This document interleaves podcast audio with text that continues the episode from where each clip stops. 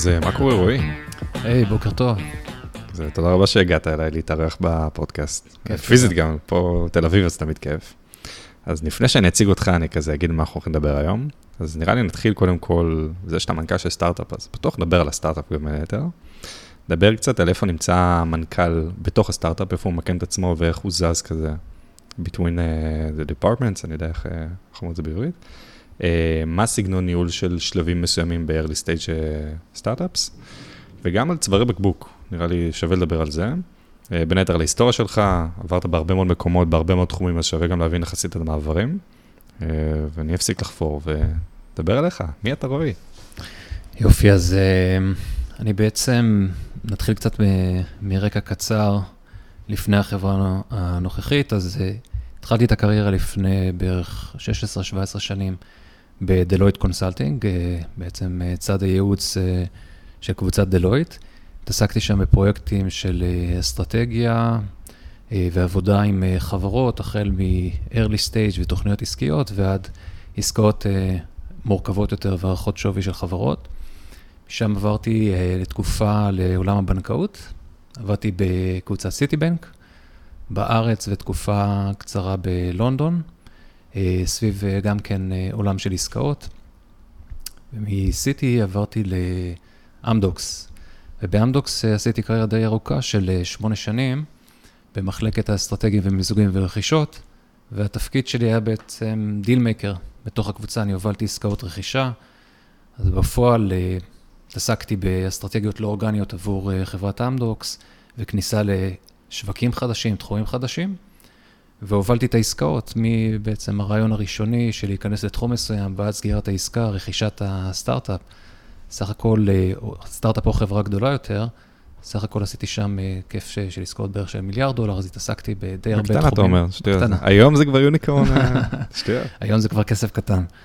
אז uh, כיסיתי שם הרבה תחומים, ואחד התחומים שכיסיתי אותו במהלך התקופה באמדוקס היה עולם ה-AI, שריתק אותי ופגשתי תחת ההערכה הזאת של חברות בתחום, פגשתי בערך 50 חברות בעולם, במגוון רחב של תחומים, ונחשפתי לעולם, אנחנו מדברים פה uh, על uh, בערך 6-7 שנים אחורה, שהעולם הזה היה די ברשותו, והבנתי שמתחוללת פה איזושהי מהפכה.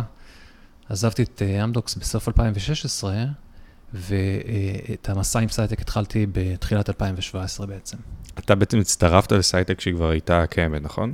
סייטק הייתה קבוצת מחקר שיצאה מאוניברסיטת בן גוריון, עם מחקר בתחום של ראייה ממוחשבת, ובתחילת 2017 החלטתי לחבור לקבוצת המחקר הזאת ולהפוך אותה לסטארט-אפ מוצרי.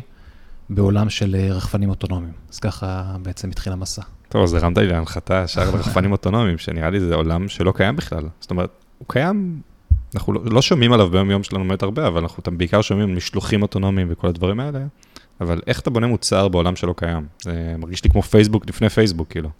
שאלה מצוינת. אז בעצם עולם הרחפנים, השיח על עולם הרחפנים התחיל כבר לפני לא מעט שנים. וברור לכולם, אני חושב שזה שוק שיקרה, ויקרה במספרים גדולים. השאלה היא מה הנקודה שבה אנחנו עוברים ממצב של משימות עם מטיס, למשימות מחוץ לקשר עין, משימות אוטונומיות לחלוטין. ואנחנו ממש נוגעים כבר בשוק הזה, וכבר היום יש טיסות שהן מחוץ לקשר עין, טיסות אוטונומיות, הן נעשות היום עדיין באזורים די מוגבלים. אבל אנחנו על סף, על סף הפריצה של השוק הזה, שבו אנחנו נראה, כמו שאמרת, רחפנים למשלוחים, רחפנים שעושים עבודות אינספקשן במקומות שונים, לאורך, נקרא לזה נתיב, שהוא מחוץ לקשר עין של המטיס, אז העולם הזה כבר קורה, הוא עדיין קורה במספרים קטנים, כשאנחנו מדברים על טיסות מחוץ לקשר עין. טיסות רחפנים, אתה רואה אותם, הם נמצאים היום בכל מקום, והנושא של רחפני משלוחים, ואיך אנחנו עוברים לפאזה הזאת, יש כל כך הרבה אה, השקעה שזורמת בעולם מגופים גדולים כמו אמזון וגוגל ודומיהם שמשקיעים בתחום, שזה עניין של זמן, וגם בישראל, אם יצא לך לעקוב, יש את אה, פרויקט נעמה, שזה שילוב של רחפנים אוטונומיים לטובת משלוחים וכולי, והדברים ממש קורים. זאת אומרת, אנחנו עכשיו באמצע, באמצע פיילוט די מתקדם שקורה בארץ. ורוצה להביא את הבשורה של רחפני משלוחים, אז אני חושב שאנחנו הולכים ומתקרבים לקראת החזון הזה. אני פשוט נורא נהנה מוולט ונורא כיף לי שמגיעים עד הדלת, עכשיו אני צריך לרדת למטה למשלוח, שהוא יחכה לי בחלון, איך זה הולך לעבוד. שאלה, שאלה טובה, אני חושב שכולם שואלים את עצמם איך זה בדיוק יקרה, ואני חושב יותר מהתבוננות בשווקים אחרים, ואיך זה נעשה בעבר במקומות אחרים, בשווקים שהם לא בעולם הרחפנים, לרוב הדיסרפשן אה, מתחיל מאזורים שהם אה, בפריפריה. אז אנחנו אה, רואים אה, חברות היום שעושות אה, משלוחים באפריקה, שם הרגולציה היא אה, יותר... לא, לא קיימת באיזשהו מקום? לא קיימת, ואתה יכול להעביר עכשיו אה, משלוחים של אה, מנות דם או תרופות, ואתה יכול להעביר אותם באמת ב-rural areas של אפריקה. כשמדברים על שווקים אה, מערביים יותר, כמו ארה"ב וקנדה, אז אני חושב שהרגולציה תהיה קלה יותר כשמדובר באזורים מרוחקים. אם להעביר עכשיו את המשלוח למקומות שהם פחות נגישים, אה, בין אם זה לשבטים שיושבים בערי הרוקי או בכל, אה, אה, במצבים מהסוג הזה. אני חושב שהייתה פה גם תנועה מאוד חזקה תחת כל מה שקרה פה במשבר הקורונה, שהבינו שהעולם, הנושא הזה של פנדמיקס וסגרים, זה תופעה שיכול להיות שתלווה אותנו גם בעשורים הקרובים קדימה, ואתה צריך למצוא פתרון לנייד דברים, גם במצב שבו אנשים לא יכולים לנסוע פיזית ממקום למקום. החזון הבאמת מתקדם, שמדברים על הטסת אה, נוסעים באוויר ו-urban air mobility, כנראה שייקח לו יותר זמן להתממש, אבל גם הדברים האלה כבר קורים, אז זה די מדהים לראות את זה. מדהים, ורק בשביל לסבר את האוזן, אתה יכול רק להסביר מה החברה שלכם בדיוק עושה היום? זאת אומרת, באיזה גם בעיות אתם פותרים או מנסים לפתור בתחום הזה בארץ? בטח, אז אה, דיברנו על טיסות מחוץ לקשר עין. הבעיה המרכזית של השוק הזה, ומה שמונע ממנו עכשיו אה, לפרוץ קדימה במספרים גדולים, זה הנושא של בטיחות. בסוף אתה מוציא טיסת רחפן מחוץ לקשר עין של המטיס, ואתה רוצה לוודא, ובעיקר הרגולטור רוצה לוודא, שהטיסה הזאת היא בטוחה. כדי לוודא שזה בטוח, אתה צריך לראות שכשהרחפן יוצא מקשר עין של המטיס ומטפל בשלל נושא חירום, הוא ידע לתפעל את הנושאים האלה בעצמו ללא המטיס. לדוגמה, אה, איזה דברים יכולים להשתבש בטיסה. אתה יכול... רק לספור אותם, זה לא... אתה יכול לאבד פתאום אה, את ה-GPS, GPS, אה, אנחנו מסתמכים עליו בכל מקום שאנחנו הולכים. אם אתה משתמש באפליקציית Waze ואיבדת את ה-GPS בתוך העיר, אז זה ייחשב לך מחדש. אם הרחפן איבד את ה-GPS, אז הוא יכול להתרסק. ואם יש מצב חירומי אחר, שמגדל טיסה או מי שמנהל את המרחב האווירי רואה שכלי טיס נכנס למרחב והוא מבקש מהרחפן לנחות, אז הרחפן צריך לבצע נחיתת חירום. או אם נגמרה לו הסוללה, אז הוא צריך לבצע נחיתת חירום. איך עושים את כל האירוע הזה, כשאין לך בן אדם שמסתכל על המסך, ובאמצעות העין האנושית מנחית את ה... ומנהל את האירוע ונמנע ממכשולים. מה שסייטק מפתחת זה מערכת ל-visual situation awareness, התמצאות מצבית באמצעות המצלמה.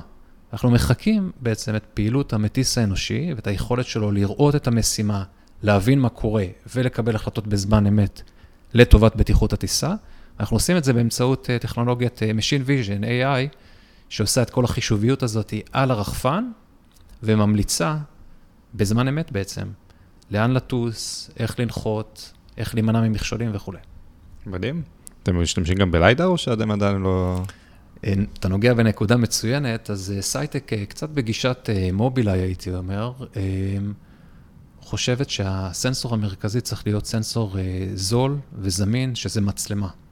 ואנחנו עושים את כל הפעולות שהליידר עושה, ומייצרים את תמונות התלת מימד באמצעות מצלמה. זה חלק מהטכנולוגיה ומה שייחודי בטכנולוגיה, כי אתה רוצה בסוף לקטגוריה של רחפנים, שהם, לדוגמה, דיברנו על רחפני משלוחים. זה רחפן קטן, זה רחפן שהוא לא יקר, אתה לא רוצה להעמיס עליו טכנולוגיה מאוד מאוד יקרה. אה, טכנולוגיית ליידר היא טכנולוגיה מצוינת, אבל היא גם יקרה, זה גם משקל גדול, אה, מוגבל מבחינת טווחים, יש כל מיני חסרונות, ואתה רוצה לעשות את אותם דברים באמצעות אה, מצלמה זולה, שתיתן את, את הפונקציונליות. כמעט אותו מענה באיזשהו מקום. כן, בדיוק. אז מגניב, אז נראה לי אני ישר קופץ כזה, השאלה הראשונה שאני רוצה לדבר עליה, זה נתחיל מ product market fit, נראה לי תמיד כיף לדבר על זה, זה מאוד מאוד מוכר. אז איך אתה יודע איך לגייס את הכסף לסטארט-אפ היום כמנכ"ל, ואיך גם כמה לגייס, וואנס פגעת בשוק בצורה נכונה, איך אתה פתאום עושה את הקפיצת מדרגה הזאת לשלב הבא. טוב, זו שאלה שבאמת כל, אה, כל יזם בתחילת דרכו נתקל בה, וכל אה, סטארט-אפ אה, בשלב של early stage. התשובה, התשובה הכנה ש, שכל סטארט-אפ יגיד זה שאתה אתה בשלבים הראשונים פשוט מנסה לגייס מה שאתה יכול, אבל אני כן הייתי שם על זה איזשהו caveat, שאתה רואה גם חברות שעשו טעויות בנושא, ועוד לפני שהם הגיעו ל product market fit מלא, גייסו סכומי כסף מאוד גדולים. על איזושהי הבטחה, כשהם עצמם לא סגורים על אה, איך עובד המודל העסקי ואיך נראה בדיוק המוצר, ואז אתה רואה גם אה, הצלחה אמנם בשלב הגיוס, אבל אתה רואה כישלונות מהדהדים מיד אה, לאחר מכן. אני חושב שבשלבים הראשונים, אם אנחנו מסתכלים על מודל קלאסי, אתה כמנכ"ל ב-early stage רוצה יחסית לשמור על burn rate נמוך, או בעצם קצב שריפת מזומנים נמוך בשלב הראשון, עד שאתה מגיע ל product market fit, ומרגע שהגעת לנקודה שבה הוכחת שאתה אה, נמצא עם המוצר הנכון, בשוק הנכון, והלקוחות מחכים למוצר שלך, בשלב הזה זו הנקודה שאתה רוצה לגייס הרבה כסף כדי לרוץ מהר. כמה זה הרבה כסף? כסף שאתה צריך אותו אה, לשנתיים הקרובות לפחות, או ה-18 החודשים הקרובים, כדי להיות מסוגל לבצע את התוכניות ואת היעדים שיש לך לתקופה הזאת. אז בואו רגע נעשה משחק. אני תמיד אוהב להיות כזה מאוד פרקטי עם הפרק של אם עכשיו אני באמת מנכ"ל של סטארט-אפ, אמ, איך אני יודע איך לשלוט בכסף בצורה נכונה? זאת אומרת, כסף זה תמיד באמת הכאב הכי גדול של כולם, נראה לי גם בחיים האישיים וגם בסטארט-אפ.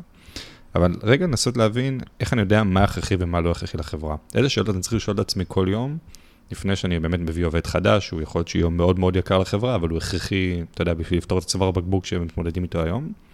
ואיזה דברים, אתה יודע, אפשר גם לוותר, כמו אפר אור בימי חמישי, שוואלה, אפשר לא להביא את השמפניה שעולה 2,500 דולר. זו שאלה, שאלה מצוינת ומאוד רלוונטית גם לתקופה הזאת, שבה יש הרבה כסף בשוק באופן יחסי. אמ, אני חושב שבסוף אה, מנכ"ל צריך להבין איפה הנתיבים הקריטיים שלו.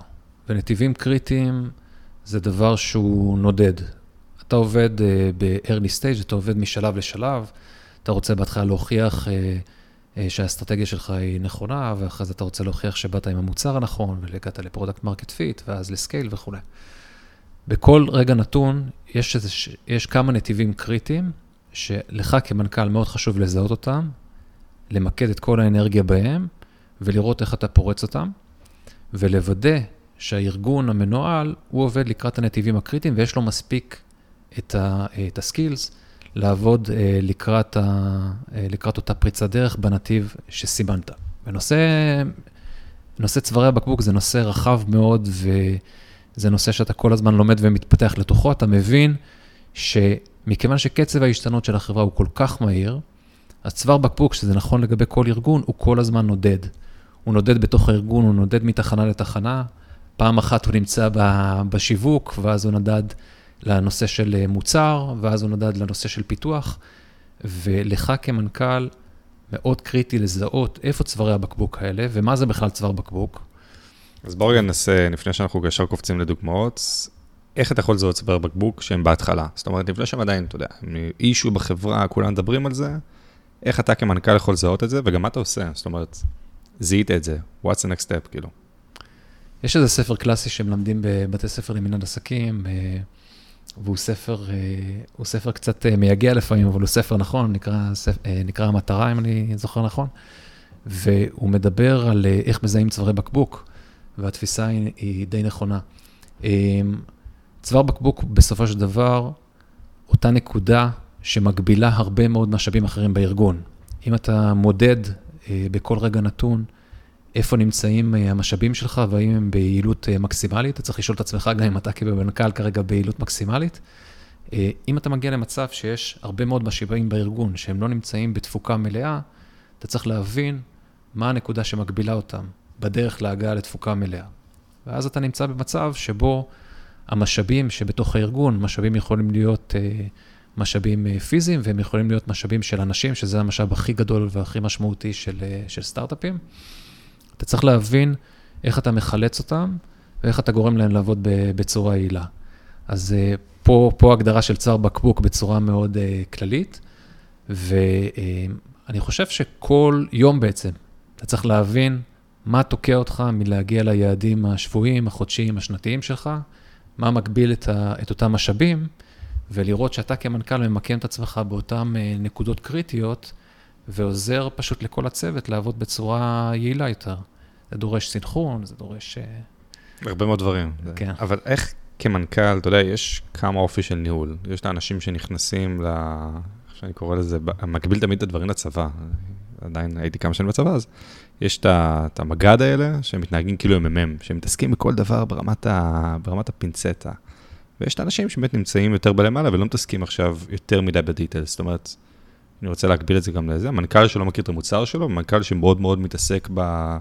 בפן הטכני של המוצר, נניח אילון מאסק, שהוא מאוד חי את המוצר, מצד שני, בטוח שהוא לא עושה הרבה מאוד דברים אחרים. ספציפית, נראה לי הוא כוכבית, מתעסק בהכל, גם במרקטינג וגם במוצר, זה משהו אחר. אבל איפה, איפה נכון למקם את עצמך גם בהתאם לשלב שאתה נמצא כסטארט-אפ? אם אתה early stage, מן הסתם אתה מתעסק עם הכל, אבל אם אתה כבר הרבה יותר גדול, מתי אתה כבר צריך לעשות את ה... לשחרר או לתת את האחריות למישהו אחר, וכאילו להיות יותר מלמעלה ולבקר אותו?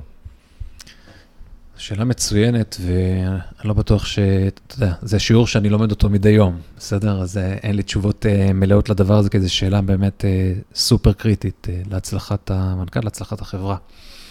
אבל המנכ"ל בגדול צריך לדאוג, קודם כל שיש חזון לחברה, שיש כוכב צפון, שהחברה יודעת לאן לנווט, וזה נכון תמיד, מ-early stage ועד שלבים יותר בוגרים. באמת בשלבים הראשונים, מה שנדרש ממנכ"ל, נדרש ממנו לנוע כל הזמן אה, אה, בין התפקידים. הוא צריך לדעת גם ללמד את עצמו וגם להשתלב בתוך הארגון, הרבה פעמים גם באמצעות קבלני משנה ויועצים חיצוניים, הוא צריך לדעת איפה הנתיב הקריטי, למקם את עצמו שם וללמוד ולהיות הכי טוב שהוא יכול בנקודה הזאת. אז המנכ"ל הוא גם אה, יכול להיות איש מכירות ואיש שיווק, והוא יכול להיות גם אה, קצת אה, איש פיתוח אם יש, לו את אם יש לו את הרקע כמובן, וגם אם אין לו את הרקע הוא נדרש לזה.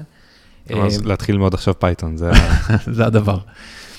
אז uh, אתה צריך uh, למקם את עצמך בצירים uh, שונים. אני חושב שככל שחברה גדלה והמשאבים, אתה מצליח בעצם לגייס אנשים חזקים שממלאים את הפונקציות השונות, אז זה מאוד חשוב שהמנכ"ל יכיר את היכולות שלו, מה הוא טוב, ואיפה הוא נותן מקסימום value. וידע בעיקר להקשיב לאנשים ולעבוד איתם, והוא צריך לגרום, הוא כמו קצת אה, מנצח בתזמורת, בתזמורת, אז הוא צריך לדעת לייצר מצב וסביבה ארגונית ותרבות ארגונית ותוכניות עבודה, שבה כל הכלים או כל, ה, אה, אה, כל הנגנים השונים בתוך התזמורת הזאת יגיעו לביצוע המקסימלי, או להכי טוב שהם יכולים לתת, ואז כל הדבר הזה הוא הרבה יותר הרמוני ומתפקד בצורה יותר טובה. אתה מראים לי רק להנחתות היום, אז כאילו, בואו נדבר תכלס, איך בונים תרבות ארגונית? מה, מה השלב הראשון ש... לפני שאתה אפילו מקים את החברה, נראה לי שלא שאתה שואל את עצמך כמנכ"ל, מה אני רוצה לעשות שזה יהיה טוב, ואיך אתה גם לומד מאחרים. מצוין, אז uh, תרבות ארגונית בעיניי זו שאלה ענקית, uh, ואני חושב שאתה לומד את זה בדרך הקשה, גם דרך הרבה טעויות לאורך הדרך. ואתה צריך uh, לשבת והייתי uh, אומר, לעשות brainstorming uh, בתוך הצוות המייסד, ביחד עם עצמך, מה היית רוצה שתהיה האווירה בתוך החברה, מה היעדים של החברה, מה הערך המוסף שהיא מביאה ובעצם מה הבשורה שהיא מביאה לעולם, ובהתאם לדברים האלה להתחיל לגזור אחורה מה המשמעות של זה לגבי האנשים, לגבי האופי של הצוות, לגבי היום-יום ואיזה אווירה אתה רוצה לייצר. אמ, לדוגמה, אם ארגון משדר, אה, זאת אומרת, בסוף המשימה שהוא לקראתה היא משימה שרוצה לעשות אה, שינויים אה, טובים בעולם ורוצים לטפל בנושאים שבאמת יש להם פוזיטיב אימפקט מאוד משמעותי, צריך לדבר על איך משלבים אנשים שהם חיוביים בצוות, שיש להם ערכים דומים, ואם אתה רוצה, אם אתה פועל בסביבה מאוד גדולה של חוסר ודאות, צריך לחשוב אה, אה, מה לדוגמה ציניקנים עושים לארגון כזה, ציניקנים שהם אה, בצד הקיצוני. עכשיו, יש, יש חשיבות מאוד גדולה גם לגיוון בתוך הצוות, זה לא שכולם צריכים לחשוב באותה צורה, ויש חשיבות מאוד גדולה לזה שיהיו את האופטימיסטים ויהיו את האנשים שבצד השני הם יודעים ליישר ולשים את הקווים במקומות, ה, במקומות הנכונים, אבל יש לפעמים נוצרת סביבה מסוימת שיכולה להיות ממש counter uh, productive לכיוון שאתה רוצה לקחת את החברה. אתה צריך לוודא שיש הלימה בין הכיוון שהחברה רוצה ללכת לבין מה שנוצר שם בתמיל הזה בין צוות שהוא צוות uh, הקמה ראשון שמקים איזה משהו חדש. ואיך אתה יכול לזהות את זה? אני מניח שכאילו המקום הראשון זה רעיון עבודה. זאת אומרת, כשהבן אדם מגיע לרעיון, אתה שואל אותו, אותה, כאילו, מה, מה אני מאמין, איך אתם רואים את החזון של החברה, אני מניח, זה הדברים. אבל איך אתה יכול לזהות את הדברים האלה שתגיד, וואלה, היא או היא מתאים למחלקה כזאת וכזאתי, כי 1, 2, 3, כאילו, איזה שאלות אתה שואל את אותו מי שנמצא מולך, מי הוא בכלל, או היא בכלל? אני חושב שזו שאלה באמת אה, ענקית. אני יושב עם, אה, עם הרבה חברים, אה, בין אם אה, מנכ"לים או אה, חבר'ה אחרים שיש להם ניסיון ב, ב, בעולם הסטארט-אפים, ואני חושב שזו שאלה שהיא באמת מאוד גדולה, קשה לזהות בהכרח את הדברים האלה בהתחלה. זה דורש גם כימיה בין אנשים, כשאתה יושב ומראיין בן אדם, כמו שאנחנו עכשיו יושבים שנינו בחדר, צריכה להיווצר איזושהי כימיה ולראות שהדברים, אתה רואה אותם עין בעין. זה דורש קצת גם לשבת ביחד כמה וכמה איטרציות, ואני בעד לדבר על הדברים בצורה מאוד פתוחה. זאת אומרת, לא לנסות לשווק לך את הארגון, אלא לנסות אה, לספר לך איך הולכת לראות העבודה שלך יום אחרי שאתה מצטרף, ולנסות לסמלץ ביחד איך העבודה המשותפת שלנו תיראה, ומשם אני יכול להסיק. אבל אני אגיד לצד הדבר הזה, שמכיוון שנורא קשה לחזות אה, עבודה משותפת אה, בצוות, צריך גם להתכונן אה, לשינויים. זה אומר שהתחלת ויצאת לדרך, אם הדברים לא עומדים, צריך לנהל אה, שיח מאוד מאוד פתוח ולדעת לעשות את השינויים האלה גם בתוך הצוות, כי לפעמים, גם כשהשידוך הוא מאוד מאוד מוצלח, מסתבר כשמתחילים את הדרך שזה לא בדיוק עובד לכיוון, ומכיוון שהארגון גם צריך לעשות את השינויים הדחופים האלה ב-early stage, אז גם הצוות צריך להתאים את עצמו כל הזמן. באתי לדבר על זה שסטארט-אפ זה רכבת הרים, אבל כולם מודעים לזה, אבל איך, איך מתמודדים עם זה בצד ה... לא יודע אם נפשי, אבל בצד היותר uh, מאחורי הקלעים? כאילו, אתה יודע, בסוף אתם כמה co-founders, או באמת כמה צוות הנהלה, שמן הסתם גם תומכים אחד בשני לפעמים, שיש פתאום הצלחה או שיש כישלון. אבל איזה דברים אתה יכול להכין את עצמך לזה, שאתה תבוא כביכול יותר מוכן, אה, או פחות, אתה יודע, תשתגע עכשיו מאיזה משהו שקורה לסטארט-אפ, כאילו.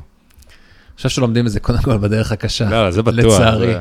לצערי, אני, אני יכול להגיד על עצמי שאני הגעתי אה, באיזושהי אה, הערכת חסר ל, לרכבת הרים הזאת שנדרשת מ, אה, ממנכ"ל, מיזם, בשלבים האלה, כי אתה חווה באמת... אה, אה, שינויים אה, מאוד קיצוניים, לא רק אה, על פני תקופה, אלא אפילו בתוך השבוע ובתוך היום. אתה נע בין הצלחה לכישלון בצורה די תדירה, ואתה צריך להבין שזה חלק מהמשחק. אני יכול להגיד לך שבעבודות הקודמות שלי, בכל התחנות שסיפרתי עליהן, עבדתי מאוד מאוד קשה. זה לא שהגעתי לסטארט-אפ ואז התחלתי לעבוד קשה, עבדתי מאוד מאוד קשה באמדוקס, ו... אני זוכר אה, אה, חודשים שלמים של טיסות ועבודה דחופה, ואתה לקראת סגירת עסקה, והרבה מאוד לחץ, ואתה עומד לסגור עכשיו עסקה של כמה מאות אה, מיליוני דולרים ולהמליץ להנהלת החברה, ויש הרבה מאוד לחץ עליך. אבל, אבל מאחוריך יש את המכונה הגדולה של הארגון, ויש את הצוות הנהלה המוכשר של, של חברה בסדר גודל הזה, ויש סביבך מערכת שלמה שהיא מערכת בסוף תומכת.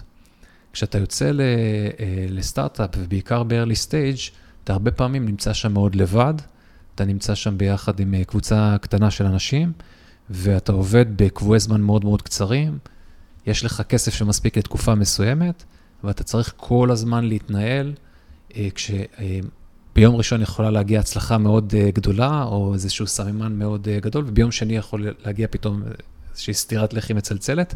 אתה צריך להבין שזה חלק מהמשחק, ואתה צריך לשמור את עצמך בזון, נקרא לזה. ואני חושב שזה לא רק האתגר, אה, אה, אחד האתגרים הגדולים של יזמים, אני חושב שזה אה, איזשהו תנאי הכרחי ליזמים בשלב הזה, ואנשים שנכנסים למשחק, הם צריכים להתכונן, להתכונן להיבט הנפשי הזה.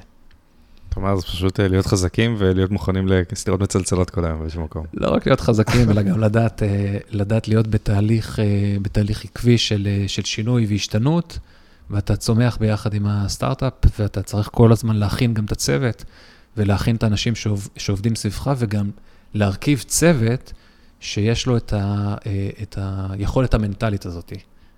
כי זה אחד הדברים שאתה באמת צריך לבדוק, שיש יכולת מנטלית להתנהל בעליות ובירידות.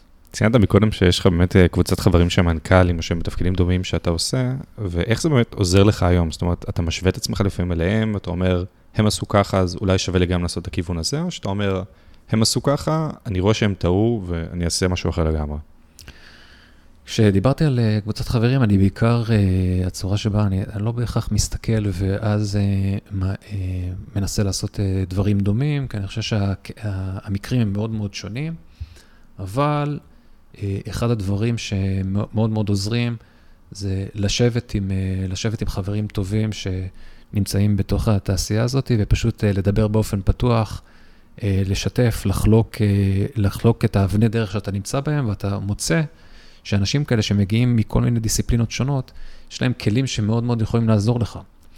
ומכיוון שגם, אה, והזכרתי את זה קודם לכן, דיברתי על הבדידות של הצוות המייסד והבדידות של המנכ"ל, ברגע שאתה יכול לחלוק ולשתף אה, בשלבים כאלה, זה סופר קריטי כדי לייצר את הקפיצות האלה, הקפיצות שאתה צריך לבצע ברמה האישית והקפיצות שהחברה צריכה לבצע. נניח התראיין אצלך לא מזמן חבר קרוב, אמיר גולן, אה, שהוא סמנכ"ל ב-day 2, ולי ולאמיר יש אה, מנהג, אנחנו נפגשים אחת לכמה זמן וחולקים אה, כל מיני אתגרים שאנחנו מתמודדים, ולמרות שהשווקים אה, הם שונים לגמרי, כן. אמיר, אמיר מתעסק במייקרוביום ואני מתעסק ברחפנים. אני חושב שיש הרבה מאוד קווי דמיון שנמצאים איתה, זאת אומרת שיזם חווה אותם בשלבים האלה, והרבה מאוד תובנות שעולות אגב brainstorming אה, מהסוג הזה, ומאוד מאוד מומלץ לכל יזם אה, מתחיל. מה הטיפ או הפיצוח הכי טוב שהיה לך מישיבה עם חברים כאלה? שלבעיה שחווית בסטארט-אפ, יצאת מהישיבה, אתה וואו, כאילו, זהו, פתרו לי את הבעיות. תשמע, אמ, לא קופץ לי עכשיו משהו, משהו ברמה, אה, ברמה ככה מיידית, אבל אני חושב ש...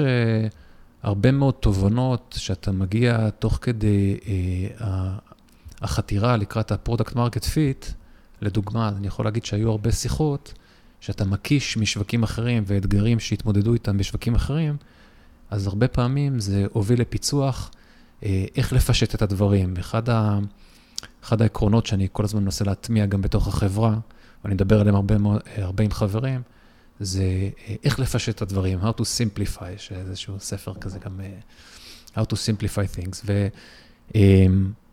ולדוגמה, כשאתה מנסה לחשוב איך מפשטים דברים, אתה רואה שבתעשיות שונות לחלוטין, עשו את זה בצורה מבריקה והיא אחרת. היא לא קשורה בכלל לתעשייה שלך. אם ניקח את הדוגמה של, אה, אם ניקח את הדוגמה של איקאה, ואיך איקאה הצליחה לפשט את כל התהליך של שאיך לקוח עכשיו יכול בעצמו להוביל רהיטים הביתה במקום שישלחו אה, הביתה, כי הם הבינו שאחד אה, הנתיבים הכי קריטיים זה בנושא של הלוגיסטיקה ושינוע של אה, דברים, אז אם אני יכול להעמיס את זה ללקוח והגיעו פתאום לפיצוח אדיר, אתה יכול להקיש פתאום למוצר שלך מה צריך לעשות שם ברמת ה... אה, איך אני מפשט את המוצר כדי שללקוחות שלי יהיה הרבה יותר קל להתחבר למוצר, לרכוש את המוצר, להשתמש במוצר. חוויית המשתמש באיזשהו מקום. חוויית המשתמש, ואתה יכול לחלוק את זה עם חברים מתעשיות שונות, ואתה מגיע לתובנות נפלאות. מדהים. טוב, אז רועי, אנחנו לקראת סוף הפרק, ולי זה עבר מאוד מהר לדרך לך.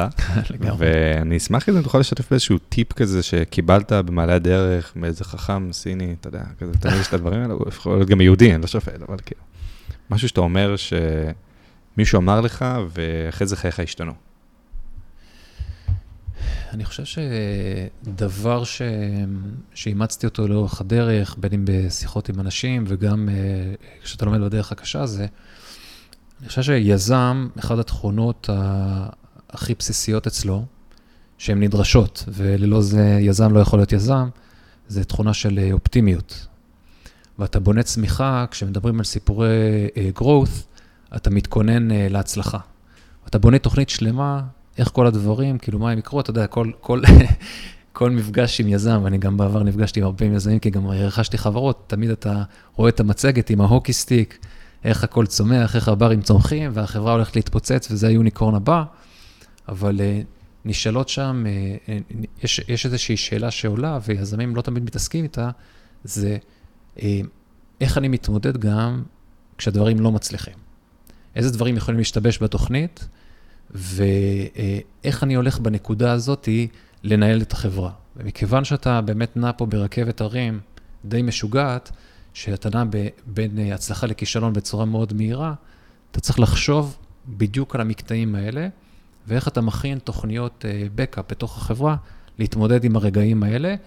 ונגענו מקודם בהיבטים המנטליים, כשהרגע כזה מגיע, יש גם ניהול מנטלי שאתה צריך לעשות לך ולצוות, ויש גם ניהול של החברה עם shift מאוד מהיר, עם pivot-ים, ולא סתם אומרים שחברות מצליחות הן חברות שיש להן צוות, אה, צוות אה, חזק, שיודע לעשות גם את ה pivot-ים הנכונים, כי אתה צריך כל הזמן להבין שאלמנט השינוי זה האלמנט הקבוע היחיד בכל הסיפור. ממש רכבת הרים.